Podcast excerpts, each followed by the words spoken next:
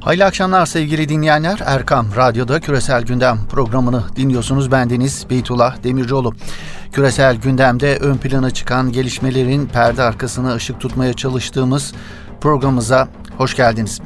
Küresel gündemde birçok konu ön plana çıkıyor. Amerika Birleşik Devletleri'nin 2015 yılında imzalanan nükleer anlaşmadan çekilmesinin birinci yılında İran'dan gelen karşı hamle ön plana çıkan gelişmelerden biri. Tahran yönetimi nükleer anlaşmadan kısmen çekildiğini duyurdu. Anlaşmanın yasakladığı bazı nükleer faaliyetleri geri dönme kararı aldı İran. Avrupalı ortaklarına ABD tarafından bankacılık ve petrol sektörüne getirilen yaptırımların telafi edilmesi için 60 gün süre verdi. İran aksi halde yeni adımlar atacağını duyurdu. İran'dan gelen bu hamleye dünya nasıl tepki verdi? İran'ın bu karşı hamlesinin muhtemel yansımalarının ne olacağı sorusu gündemde ön plana çıkıyor. Gündemin bir diğer önemli maddesi ABD'nin çözüm diye dayattığı ve Ramazan ayı sonrası açıklanacağı duyurulan 100 yılın anlaşmasının bazı maddelerinin İsrail medyası tarafından yayınlanması oldu. İşgal devleti İsrail tarafından bilinçli olarak sızdırıldığı düşünülen anlaşmanın maddeleri arasında neler var? Sızdırılan bu maddelere gelen tepkiler ne yönde? Küresel gündemde bu iki konuyu uluslararası analizlerden süzdüğümüz görüşler eşliğinde değerlendirmeye çalışacağız. Evet küresel gündem başlıyor.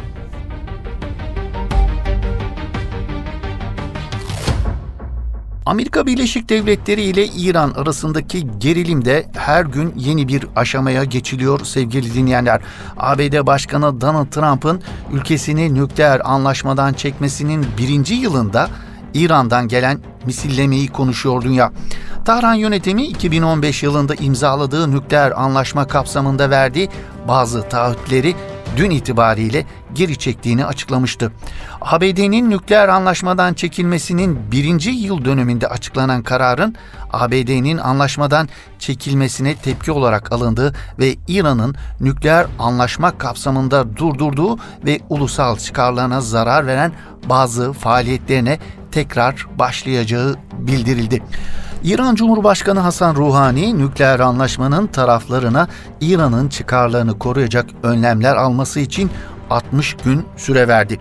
Ruhani Avrupalıların özellikle petrol ihracatı ve bankacılık işlemleri konusunda İran'ın menfaatlerini elde etmesine yardımcı olacak bir yol bulamaması halinde daha sert adımlar atılabileceğine dair uyarılarda bulundu. İran'ın bu sürpriz kararı ABD'nin Abraham Lincoln uçak gemisini ve bir bombardıman görev gücünü Orta Doğu'da Merkez Kuvvetler Komutanlığı görev alına sevk etmesinden iki gün sonra geldiği sevgili dinleyenler.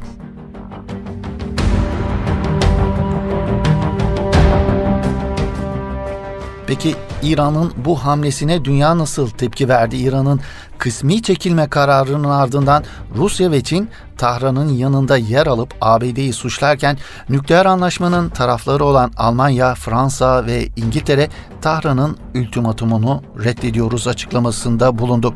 ABD ise Reuters'a konuşan Beyaz Saray yetkilileri tarafından yapılan açıklamada İran'a çok yakında yeni yaptırımlar getirileceğini duyurdu. İsrail Başbakanı Netanyahu ise İran'ın nükleer silah elde etmesine izin vermeyeceğiz, hayatlarımızı elimizden almaya çalışanlarla savaşmaya devam edeceğiz açıklamasında bulundu. İran'ın nükleer çalışmalarına yeniden başlama tehdidi küresel medyanın da gündemindeydi. İran'ın nükleer anlaşmadaki yükümlülüklerinin bir kısmını askıya alma kararına ilişkin değerlendirmelerde bulunan Alman gazetelerinden tek suçlu İran rejimi değil diyen Alman Zeytun gazetesi olayların bu boyuta gelmesinde en büyük payın ABD Başkanı Donald Trump'a ait olduğunu söyledi. Donald Trump'ın bölgedeki düşüncesiz davranışları başkanlığının ilk ayından beri bu anlaşmayı tehdit ediyor ve hesaplaşma için fırsat arıyor ifadelerini kullandığı Alman medyası.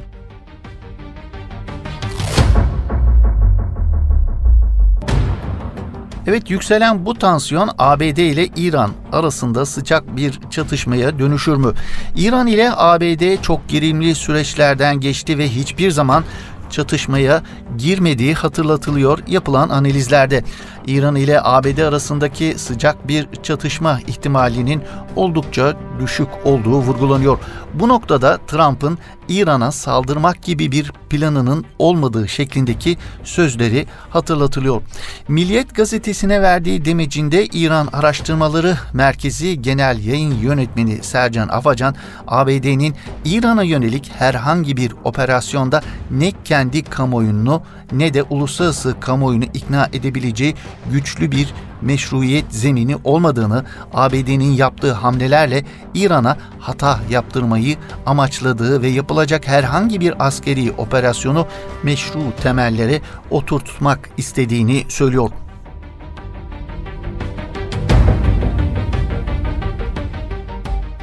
ABD-İran arasındaki gerilim İran içerisindeki siyasi dengeleri nasıl etkiliyor peki?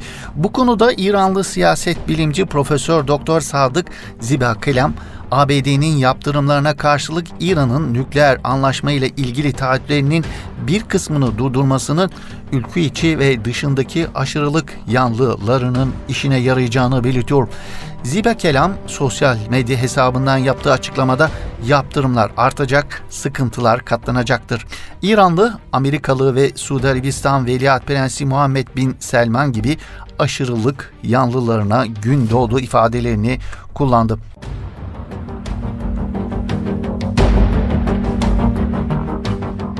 Evet, yüzyılın anlaşması uzun zamandır gündemde. Ne zaman açıklanacağı merakla bekleniyor.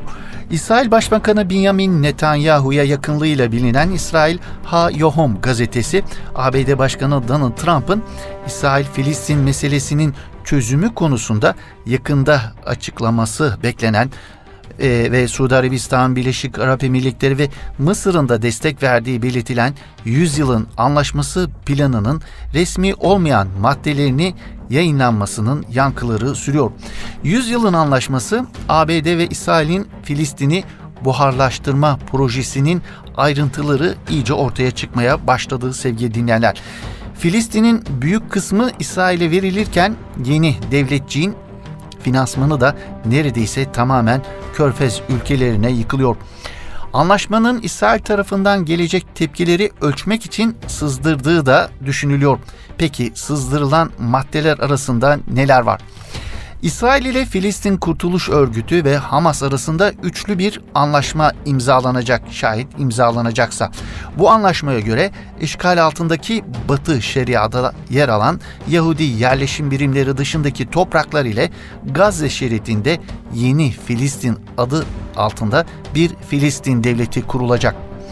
Batı Şeria'daki büyük Yahudi yerleşim yerleri bugün olduğu gibi İsrail'in elinde kalacak bu yerleşim birimlerine yine Batı Şeria'daki izole yerleşim birimleri de katılacak ve böylece izole yerleşim birimlerine ulaşmak için büyük yerleşim birimlerinin alanları genişletilecek. Ya Kudüs? Kudüs, İsrail ile yeni Filistin arasında bölünmeyecek ve paylaşılmayacak. Ancak her iki devletin de başkenti sayılacak. Ayrıca Kudüs'te yaşayan Araplar yeni Filistin devletinin vatandaşları olacak. İsrail'e bağlı Kudüs Belediyesi yeni Filistin hükümetinin ilgileneceği eğitim alanı hariç Kudüs'ün tüm alanlarında sorumlu olacak ve bu yeni devlet Kudüs Belediyesi'ne su gideri ve vergi ödeyecek. Yahudilerin Araplardan ev almalarına izin verilmeyecek ve aynı şekilde Araplar da Yahudilerden ev alamayacak. Kudüs'e yeni bölgeler eklemlenmeyecek ve kutsal alanların bugünkü statüsü devam edecek. Peki Gazze şeridi? Mısır, havalimanı, fabrikalar, ticari alanlar ve ziraat için Gazze şeridine bağlı bir şekilde yeni Filistin devletine toprak kiralayacak. Ancak Filistinlilerin bu yeni topraklarda iskanına izin verilmeyecek. Bu toprakların sınırları ile kira ücreti daha sonra aracı ve destekçi ülkeler tarafından yeni Filistin devleti ile Mısır arasında belirlenecek. Peki kimler destekliyor bunu? Yeni Filistin Devleti'nin kurulmasını öngören bu anlaşmanın uygulanması için mali olarak destek sağlayacak ülkeler başta ABD olmak üzere Avrupa Birliği ve petrol üreticisi Körfez Arap ülkeleri olacak. Destekleyici ülkeler yeni Filistin'deki ulusal projeleri için 5 yıl boyunca 30 milyar dolarlık bir bütçe sağlayacak. bu bütçeye izole Yahudi yerleşim birimleriyle büyük yerleşim yerlerinin İsrail'e bağlanması maliyeti de dahil olacak. Destekleyen devletler tarafından ödenecek fonların bölünmesine gelince ABD sadece %20 ile katkı sağlayacak. Avrupa Birliği ise %10 oranında katkı sağlayacak bu projeye.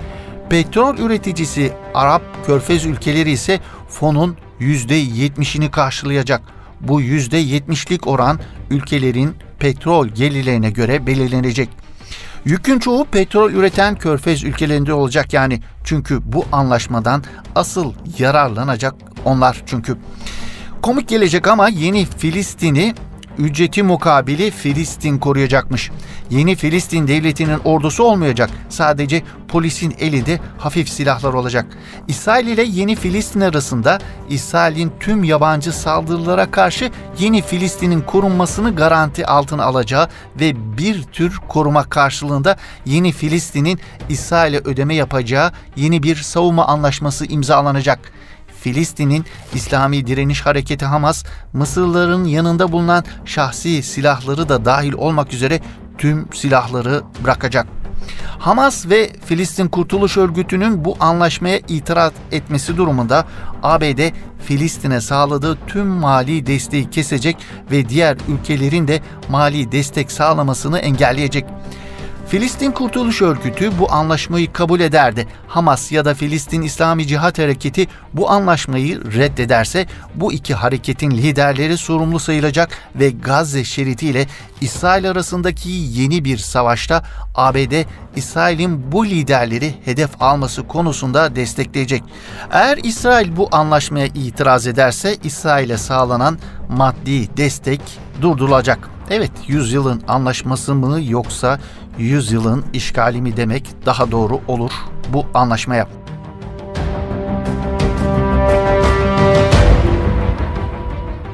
Bu arada iki gün süren Gazze saldırılarında direnişçiler tarafından atılan 700'e yakın roketten 4 kişinin ölümü ve 200'den fazla kişinin yaralanması İsraillileri endişelendirmiş gözüküyor. İsrail'in çok övündüğü ve güvendiği aşılmaz dediği demir kubbenin Filistinli direnişçilerin roketleri karşısındaki başarısızlığı İsrail basını tarafından sorgulanmaya başlandı. Haaretz gazetesine göre Gazze'den atılan 690 roketin sadece 240'ını İsrail'in demir kubbe füze savunma sistemleri durdurabildi.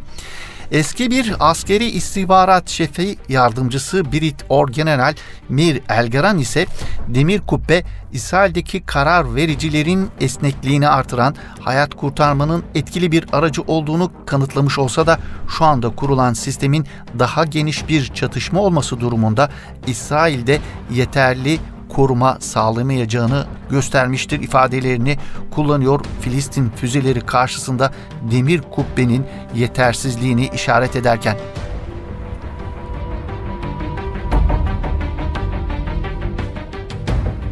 Öte yandan Birleşmiş Milletler İnsani Yardım Koordinasyon Ofisi'nden Gazze'deki insanlık dramına ilişkin uyarı geldi.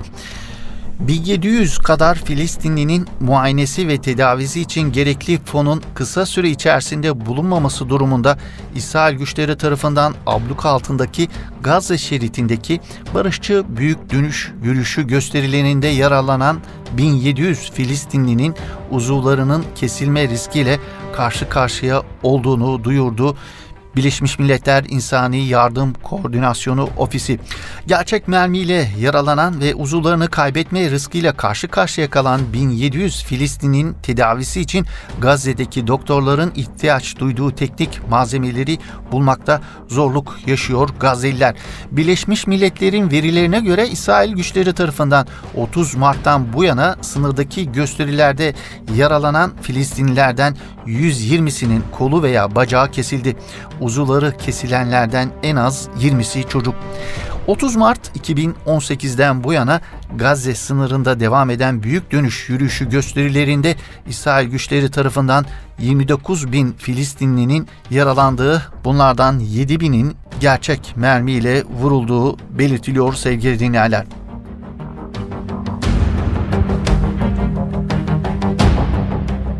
Küresel gündemdeki diğer gelişmelere bakalım sevgili dinleyenler. Libya'ya uzanalım. Libya'da Mısır, Birleşik Arap Emirlikleri ve Suudi Arabistan tarafından Libya'nın CCC yapılmaya çalışılan darbeci General Halife Hafter ülkenin başkentine yönelik başlattığı operasyon üzerinden tam 34 gün geçmesine rağmen bir başarı elde etmemiş gözüküyor.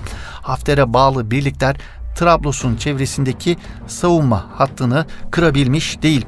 Hafter güçlerinin aradan geçen bir ayda kesin zafer elde edememesinin yanı sıra merkez üstleri Bingazi'den uzakta olmanın getirdiği baskı uluslararası toplumdan gelen tazik karşısında ateşkes tercihini öne çıkartıyor.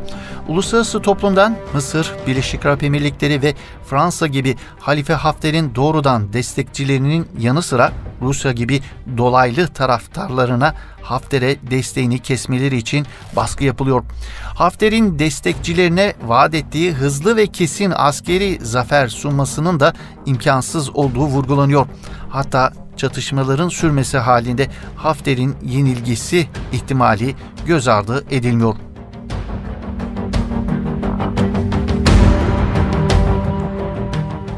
Evet, Tansiyonun düşmediği bir diğer ülke Sudan. Devlet Başkanı Ömer El-Beşir'in askeri bir darbeyle devrilmesinin ardından Sudan'daki belirsizlik sürüyor.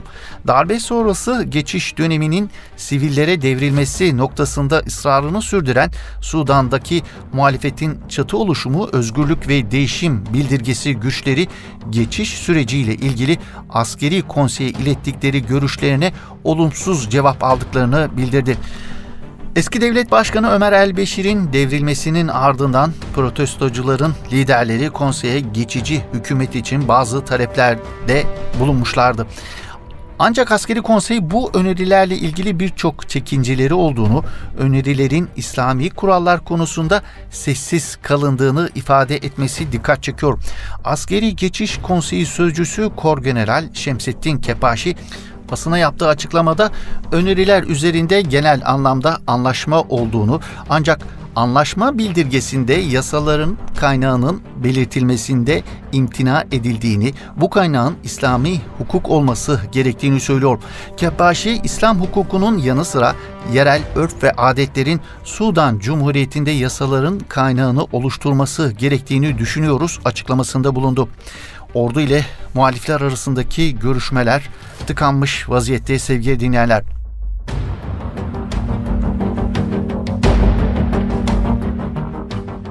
Suriye'nin Deir Zor kentinde terör örgütü YPG'nin başını çektiği Demokratik Suriye güçlerinin Arap gençleri zorla askere almasına ve ayrımcılık yapmasına karşı çıkan Arapların başlattığı protesto gösterileri 3. haftasına girerken gösterilerin her an şiddet eylemine dönüşebileceği ifade ediliyor.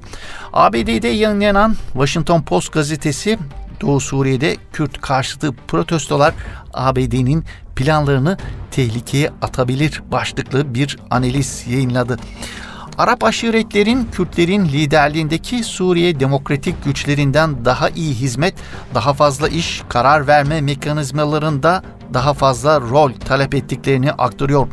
Deir Zor'daki protestoların şu anda sınırlı büyüklükte olduğunu fakat ABD Başkanı Donald Trump'ın ülkesinin Suriye'deki askeri varlığını azaltmaya çalıştığı bir dönemde ABD ve bölgesel müttefiklerine engel çıkarabileceğini yazan gazeteye konuşan bir SDG temsilcisi protestoların Suriye hükümeti, İran ve Türkiye'nin işine yaradığını ve IŞİD'e karşı kazanılan zaferi tehlikeye atacağını ileri sürmüş.